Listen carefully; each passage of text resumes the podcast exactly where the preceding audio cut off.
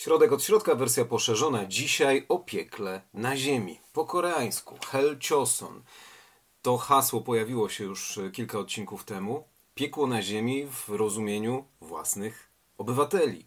To sami Koreańczycy mówią, to nie jest wymysł ludzi z zachodu, że oto czegoś nie rozumiemy, to jest jakieś dziwne, oni się chyba z tym źle czują. To sami ludzie, którzy wyrośli w tej kulturze, znają ją na wskroś, porozumiewają się językiem, który wcale nie jest taki łatwy do opanowania, twierdzą, że życie w ich kraju jest piekłem. Choson, dlatego że starożytna dynastia, stara dynastia, która zakładała Koreę, w ten sposób się nazywała, więc te, te ci piekielni piastowie, piekielni jagielloni, okrutni, mm, to dotyczy dynastii, więc Słowianie, żeby zrobić naszą analogię, by tutaj nie pasowało.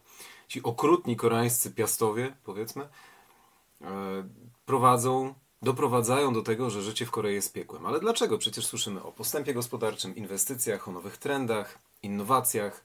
Co róż koreańska delegacja gdzieś na świecie otwiera coś, no teraz może trochę mniej ze względu na wirusa, ale także nawet koreańskie podejście do wirusa też jest, też jest sprzedawane jako K-kwarantanna. Można nawet żartować, że to jest K-warantanna, tak jak K-pop, K-drama i K-wszystko. No więc niedługo będzie K-wszystko, ale na razie mamy Hell Chosun, K-piekło. K-hell. Na szczęście, żeby się połapać w tym galimatiasie, można zawsze sięgnąć do literatury danego kraju. To dobrze robi. Podręczniki do historii, oczywiście, analizy socjologiczne też przydają się, ale dobrze jest przeczytać literaturę z danego kraju, bo okazuje się, że pisarze mają czujne oko, widzą wszystko, potrafią ładniej, co, ładniej coś opisać niż e, kadra naukowa zajmująca się danym tematem jedynie danym tematem od dekad i czasem z takiej interdyscyplinarności, która wcale nie jest e, w przypadku literatury jakiegoś dowolnego twórcy jego konkretną dziedziną, wyłania się obraz o wiele bardziej kompletny. Choćby nawet nakreślony na 10 stronach opowiadania. Takie są między innymi dostępne w zestawie sprzed lat, wydawnictwo Dialog, które niestrudzenie wydawało koreańską literaturę, o której prawie nikt nie wie dalej, co zastanawiało mnie w poprzednim odcinku, dlaczego tak się dzieje. Barwy miłości. Antologia opowiadań, e, współczesnych opowiadań koreańskich, czasem krótszych, czasem dłuższych, sześcioro autorów w środku. No i między innymi pani, którą już zdążyliśmy poznać z książki Poszukując Boga, Han Musuk. Tutaj mieliśmy historię początków chrześcijaństwa w Korei, bardzo dobrze napisaną książkę historyczną, powieść historyczną o tych e, trudnych czasach, a tutaj Dwa opowiadania. Pustelnia płynącej wody, niezwykle ciekawa treść, a także Pozwólcie mi zasnąć, które posłuży nam dzisiaj e, jako trzon opowiedzi. Mianowicie, Pozwólcie mi zasnąć. To ma 20 stron. Opowiada historię po wojnie koreańskiej. Lekarza, który wraca z frontu, przyzwyczajony do widoku krwi, jest położnikiem. Przyzwyczajony do widoku krwi, tam styka się na wojnie częściej ze śmiercią niż e, z życiem, ale przywrócony do normalnego życia, do rodziny. E, jest dobrym, szanowanym człowiekiem, któremu dobrze idzie, zna się na tym, co robi. E, prosi się go o odebranie porodu. Podczas porodu obserwuje rzecz, która zdarza się rzadko. Zdarza się, jest znana medycynie, ale zdarza się rzadko. Mianowicie łożysko wypada przed przecięciem pępowiny. Dla Koreańczyków to niezwykle zły znak. Lekarz słyszał o tym, usunął z pamięci, nie było to dla niego ważne. On, człowiek nauki, nie zagłębia się w świat przesądów, ale wszyscy dookoła, kiedy wiedzieli o tym, co on widział podczas odbierania porodu, już mieli zupełnie inne podejście do życia. A także, jak się okazywało, później na samym końcu opowiadania, także i do niego. Dlaczego? Żeby zrozumieć tę historię, fragment, dwa fragmenty z Pozwólcie mi zasnąć. Na samym początku e, mamy, mamy dziecko, które nazywa się Yongho i teraz e, tak, bo e, nasz doktor, główny bohater widzi to dziecko w przypadkowych miejscach na mieście. Wtedy, pomimo, że ludzi było dużo, można się było jeszcze spotkać na mieście tak przypadkiem. Zauważa, że jest ubrane w konkretny sposób To, w jaki sposób się je ubiera, wiedząc, że właśnie towarzyszy narodzinom dziecka taka niecodzienna historia, wynika z przesądu. No i teraz o tym przesądzie. Nieczęsto zdarza się, że łożysko wypada przed przecięciem pępowiny. Musi być ono wydalone z macicy po zakończeniu porodu i choć tym razem było to trochę zbyt wcześnie, przydawanie temu zło, złowróżbnego znaczenia było zbyt absurdalne. W opinii mojej siostry z tego właśnie powodu małemu jącho groziło, że będzie mordercą. Aby go przed tym ustrzec, przez okres stu dni należało wdziewać na jego czyste, niewinne ciałko kolejno siedem kaftaników w niebieskim, więziennym kolorze, co miało wskazywać na to, że spotkała go kara zesłana przez niebiosa. W rzeczywistości nieszczęściem było nie to, że w chwili urodzin małego jącho miało miejsce to pozornie tylko błahe wydarzenie, ale że przez ubieranie dziecka w siedem niebieskich kaftaników, na sam widok których przechodziły mnie ciarki, ludzie stwarzali sobie świat przesądów i w nim żyli. Lekarz twierdzi dalej, opowiadając nam to, zawsze byłem opanowany, nie przejmowałem się drobiazgami. Słowa siostry poruszyły mnie jednak głęboko. No i zbieg okoliczności doprowadza do tego, oczywiście nikt nie każe tego lekarzowi robić, że sam dopuszcza się morderstwa. Jest oto bowiem dziewczyna, która pracuje jako prostytutka, czasy są ciężkie, on stara się wyleczyć jej dziecko, które ma nieuleczalną chorobę. Może nie tyle, że nieuleczalną, ale na obecną, na tamtą chwilę, przy tak zerowym poziomie jakichkolwiek y, opłat, jakie może wnieść matka, dziecku nie można pomóc, dziecko ślepnie, matka się dalej nim zajmuje bardzo troskliwie, a doktor wiedzie swoje dobre życie. Mimo to czuje się źle, że nie może pomóc tej skrajnej biedzie i wyciągnąć dziecka z ubóstwa, pomóc matce. Kiedy jedna z jego uroczystości w jego własnym życiu kończy się nie do końca miło, gości jest za mało, tam chodzi o, spotkanie z jego narzeczoną, gości jest za mało, e, organizacja nie dopisuje, on pije za dużo, przyzwyczaił się do tego w wojsku, pije za dużo, idzie na miasto i idzie do tej dzielnicy zakazanej, gdzie mieszka matka z dzieckiem, chce skorzystać z jej usług. Ona się na to nie zgadza, no bo szanuje go jako człowieka, że każdy, ale no nie pan, przecież pan, ona go traktuje jako takiego anioła na ziemi. On chce się stoczyć sam w tym zamroczeniu alkoholem. Bije matkę do nieprzytomności, pozostawia na ziemi, ucieka, zapomina o tym, ale przez dzielnicę przechodzi pożar. I później matka, dziecko między innymi razem z wieloma innymi ludźmi giną. I siostra doktora zwraca uwagę, że oto niewdzięczna matka, jej szkielet po przejściu pożaru znaleziono dużo dalej od dziecka. Przecież dobra matka powinna trzymać je w objęciach. Dwa szkielety powinny być w zgliszczach razem. No i pomstuje jego siostra na kobietę, do której śmierci on sam doprowadził. Wyrzutu sumienia nie pozwalają doktorowi żyć z tą myślą i przyznaje się, żeby oczyścić imię tej zmarłej kobiety przed siostrą, żeby nie mówiła o niej źle, bo to nie była jej wina. Ona zrobiła pomimo ogromnej biedy wszystko, co mogła dla tego dziecka, ale to on, ten dobry, ten anioł, przyczynił się do tego, że umarła. I to jeszcze pamięć o niej jest bezczeszczona. No i teraz mamy podsumowanie. Nie zdradzę wam niczego, mimo że powiem wszystko. Już powiedziałem, ale to trzeba i tak samemu przeczytać. I, i mamy. Okazuje się, rozmawiając, opowiadając tę historię właśnie, że to sam doktor doprowadził do śmierci kobiety, Bogu ducha winnej, dowiaduje się od siostry, że on sam był ubierany w niebieskie kaftaniki. Siostra odetchnęła, gdy skończyłem, jakby zmęczona tą historią, bo on skończył właśnie jej opowiadać, jak do tego doszło. To nie ty zrobiłeś, powiedziała. W końcu to na jedno wychodzi, mówi doktor. Nie, nie ty. To po prostu tak się stało. Zostaw. To tak, jak jest.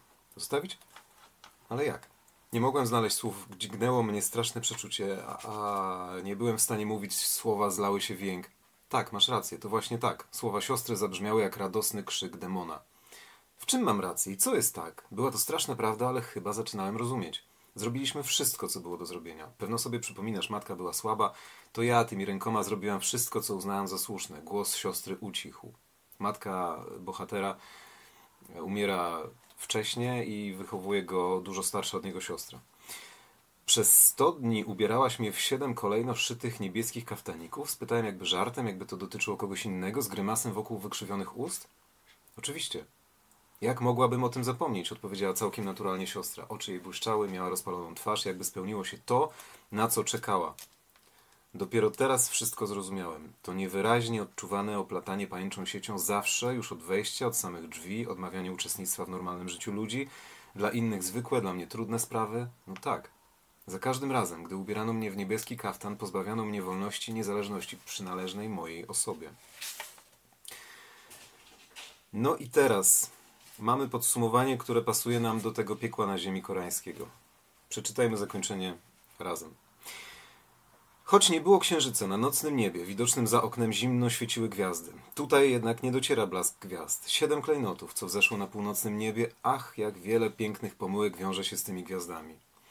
Opowieści, legendy, że każdy człowiek ma swoją gwiazdę, dawni mędrcy, co wróżyli z gwiazd. Choć dzisiejsza nauka uważa to za absurd, nie wiadomo, czy coś, co dziś traktuje się jako prawdę, nie stanie się w rzeczywistości nowym złudzeniem. Przyjmujemy za prawdę tylko to, co mieści się w ramach naszej wiedzy. Jakże to pasuje do dzisiejszych czasów. Wiedza jest w cenie. Wracamy do czytania dalej. To prawda, teraz już nie chcę bać się złudzeń. To nie jest samoudręczenie. Nie mogąc pokonać wyrzutów sumienia, chciałem ograniczyć zło przez przyjęcie kary, ale nie przypuszczam, żeby mi tylko o to chodziło. Staje mi przed oczyma tamten gorący dzień, gdy urodził się Jącho. A potem niebieski kaftanik, w jaki odziano jego czyste małe ciało i dnie, które mają nadejść, będzie się musiał liczyć z wieloma tabu. Choć bystry i silniejszy od innych dzieci. Nie może stanąć na czele miejscowych łobuziaków. Do tego trzeba siły i okrucieństwa. Pozbawi się go inicjatywy, jeśli będzie ciekawy świata i zechce wszystko sam zbadać, to choćby pragnął poznać prawdziwe oblicze spraw i rzeczy, nie będzie mógł tego zrobić. Jeśli zechce poznać budowę jakiejś mechanicznej zabawki i spróbuje ją rozmontować, przerażeni dorośli, widząc w tym zły omen, zapowiedź destrukcji, powstrzymają go. Dziecko, samo nie wiedząc kiedy, straci ciekawość życia i stanie się grzeczne i bezwolne. Tak więc nie będzie mógł być taki jak inni, zwykli, zdrowi ludzie, a potem pewnego dnia uświadomi sobie, że jest tylko przedmiotem w ręku innych i ogarnie go przerażenie. Ale wtedy będzie już za późno. Zrozumie, że przesądy są zbyt głęboko zakorzenione, a próba poszukiwania prawdy może w ogóle zniszczyć jego egzystencję. Mym oczom przywykłym już do ciemności ukazały się ponure wysokie mury otaczające ponury zimny budynek. Oto mur, stojący jak przerażający symbol samej nocy, sam ciemny pod zimnym, rozgwieżdżonym niebem zimy, a w jego obrębie występki ludzkie wycenia się jak towary. Jaka zbrodnia, taki wyrok, uzyskuje się przez to spokój sumienia. Teraz każdy z więźniów pogrążony jest w głębokim śnie na zimnej podłodze więziennej celi. Choć sumienie nie usypia człowieka, świadomość, że otrzymało się karę, może pozwolić mu zasnąć. Co do mnie, uznano, że dowody są niewystarczające. Można mieć raczej wątpliwości co do stanu mego umysłu. Oddanie się w ręce władz nie było dostatecznie uzasadnione. Argumentowali, że to chęć samobójstwa. Ale śmierć można przyjąć, a samobójstwo wymaga działania. To chęć działania samemu. Nawet jeśli nie byłoby zbrodni, jeśli nie zabiłem, odpowiedzialny jestem za chęć zabicia tej nocy. Nie tyle owej kobiety, ile tego wszystkiego, co uświadomiła mi jej odmowa i za to, co się potem stało. Ani kłopotliwa sytuacja narzeczonej, ani zawodzenie siostry nie mogły złamać mego postanowienia. Jako odziany w niebieski drelich więzień w oczekiwaniu wyroku przez jakiś czas nie mogłem się z nią spotykać. Słyszałem, że siostra jest chora. Tak, nawet ksiądz jest zmęczony. Skończyła się też czarna msza odprawiona przez demona. Serce me było spokojne jak u człowieka, który zrobił wszystko, co miał do zrobienia. Czułem się wyzwolony i z życia, i ze śmierci. Chcę od wszystkiego odpocząć. Słysząc, jak zimowa, jak noc zimowa na szybie okiennej za kratą maluje kwiaty mrozu, przypomniałem sobie czytany kiedyś fragment wiersza francuskiego symbolisty. Pozwólcie mi zasnąć, po prostu pozwólcie mi zasnąć. I następuje dalej jedynie podpis autorki Luty 58 rok przełożyła Halina Ogarek-Czoj, która niezmordowanie, jak wydawnictwo Dialog swojego czasu prowadzi nas, prowadziła przez meandry rozumienia koreańskiej historii, wierzeń, mitów, legend, przesądów również. No i mamy piekło na ziemi, w którym jedynie przyznanie się do winy może pozwolić odpocząć. Może teraz Koreańczycy dalej czują się, jakby ktoś ubierał ich przez dużo więcej niż 100 dni w 7 kolejno uszytych niebieskich kaftaników, bo oto na przykład spotkanie weekendowe grupy Quad, czyli Australii, Indii, Japonii Stanów Zjednoczonych, tej nowej indo-pacyficznej, szytej trochę jak patchworkowa tkanina jeszcze przed przez administrację Donalda Trumpa, a teraz przez Joe Bidena grupa mająca trzymać władzę w Azji Wschodniej i Południowo-Wschodniej nie wspomina o Korei Południowej. Seul już widzi, że sprawy będą inaczej się toczyły niż miały, bo mowa jest tylko o tym, że trzeba będzie dążyć do rozbrojenia nuklearnego Korei i o tym, że porwani przez północ obywatele japońscy muszą wrócić do siebie. Barwy miłości. Skrzyżowanie barw szczęścia z M jak miłość. Na pierwszy rzut oka.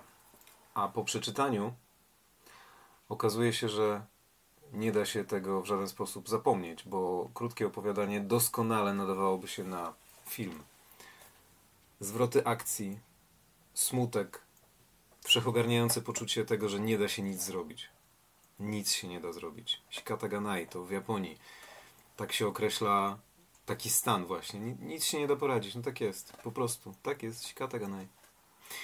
Koreańczycy mają gniew w środku. Han, który tak ich drąży jak robak. Tak jak muzyka, jak wejdzie do ucha i budzimy się czasem nucąc to samo i nie wiemy skąd nam się to wzięło, ale ten robaczek sobie tam tańcuje w trąbce naszej, w środku. To w Koreańczykach tak tańcuje niestety poczucie gniewu na wszystko, co ich otacza. Może za dużo kaftaników w dzieciństwie. Może tak to jest. I nie mogą rozmotowywać teraz żadnej zabawki. I też nikt nie daje im roli herszta łobuziaków. A może dobrze być hersztem łobuziaków, choć przez chwilę. Miłego dnia i do usłyszenia, zobaczenia w następnym odcinku.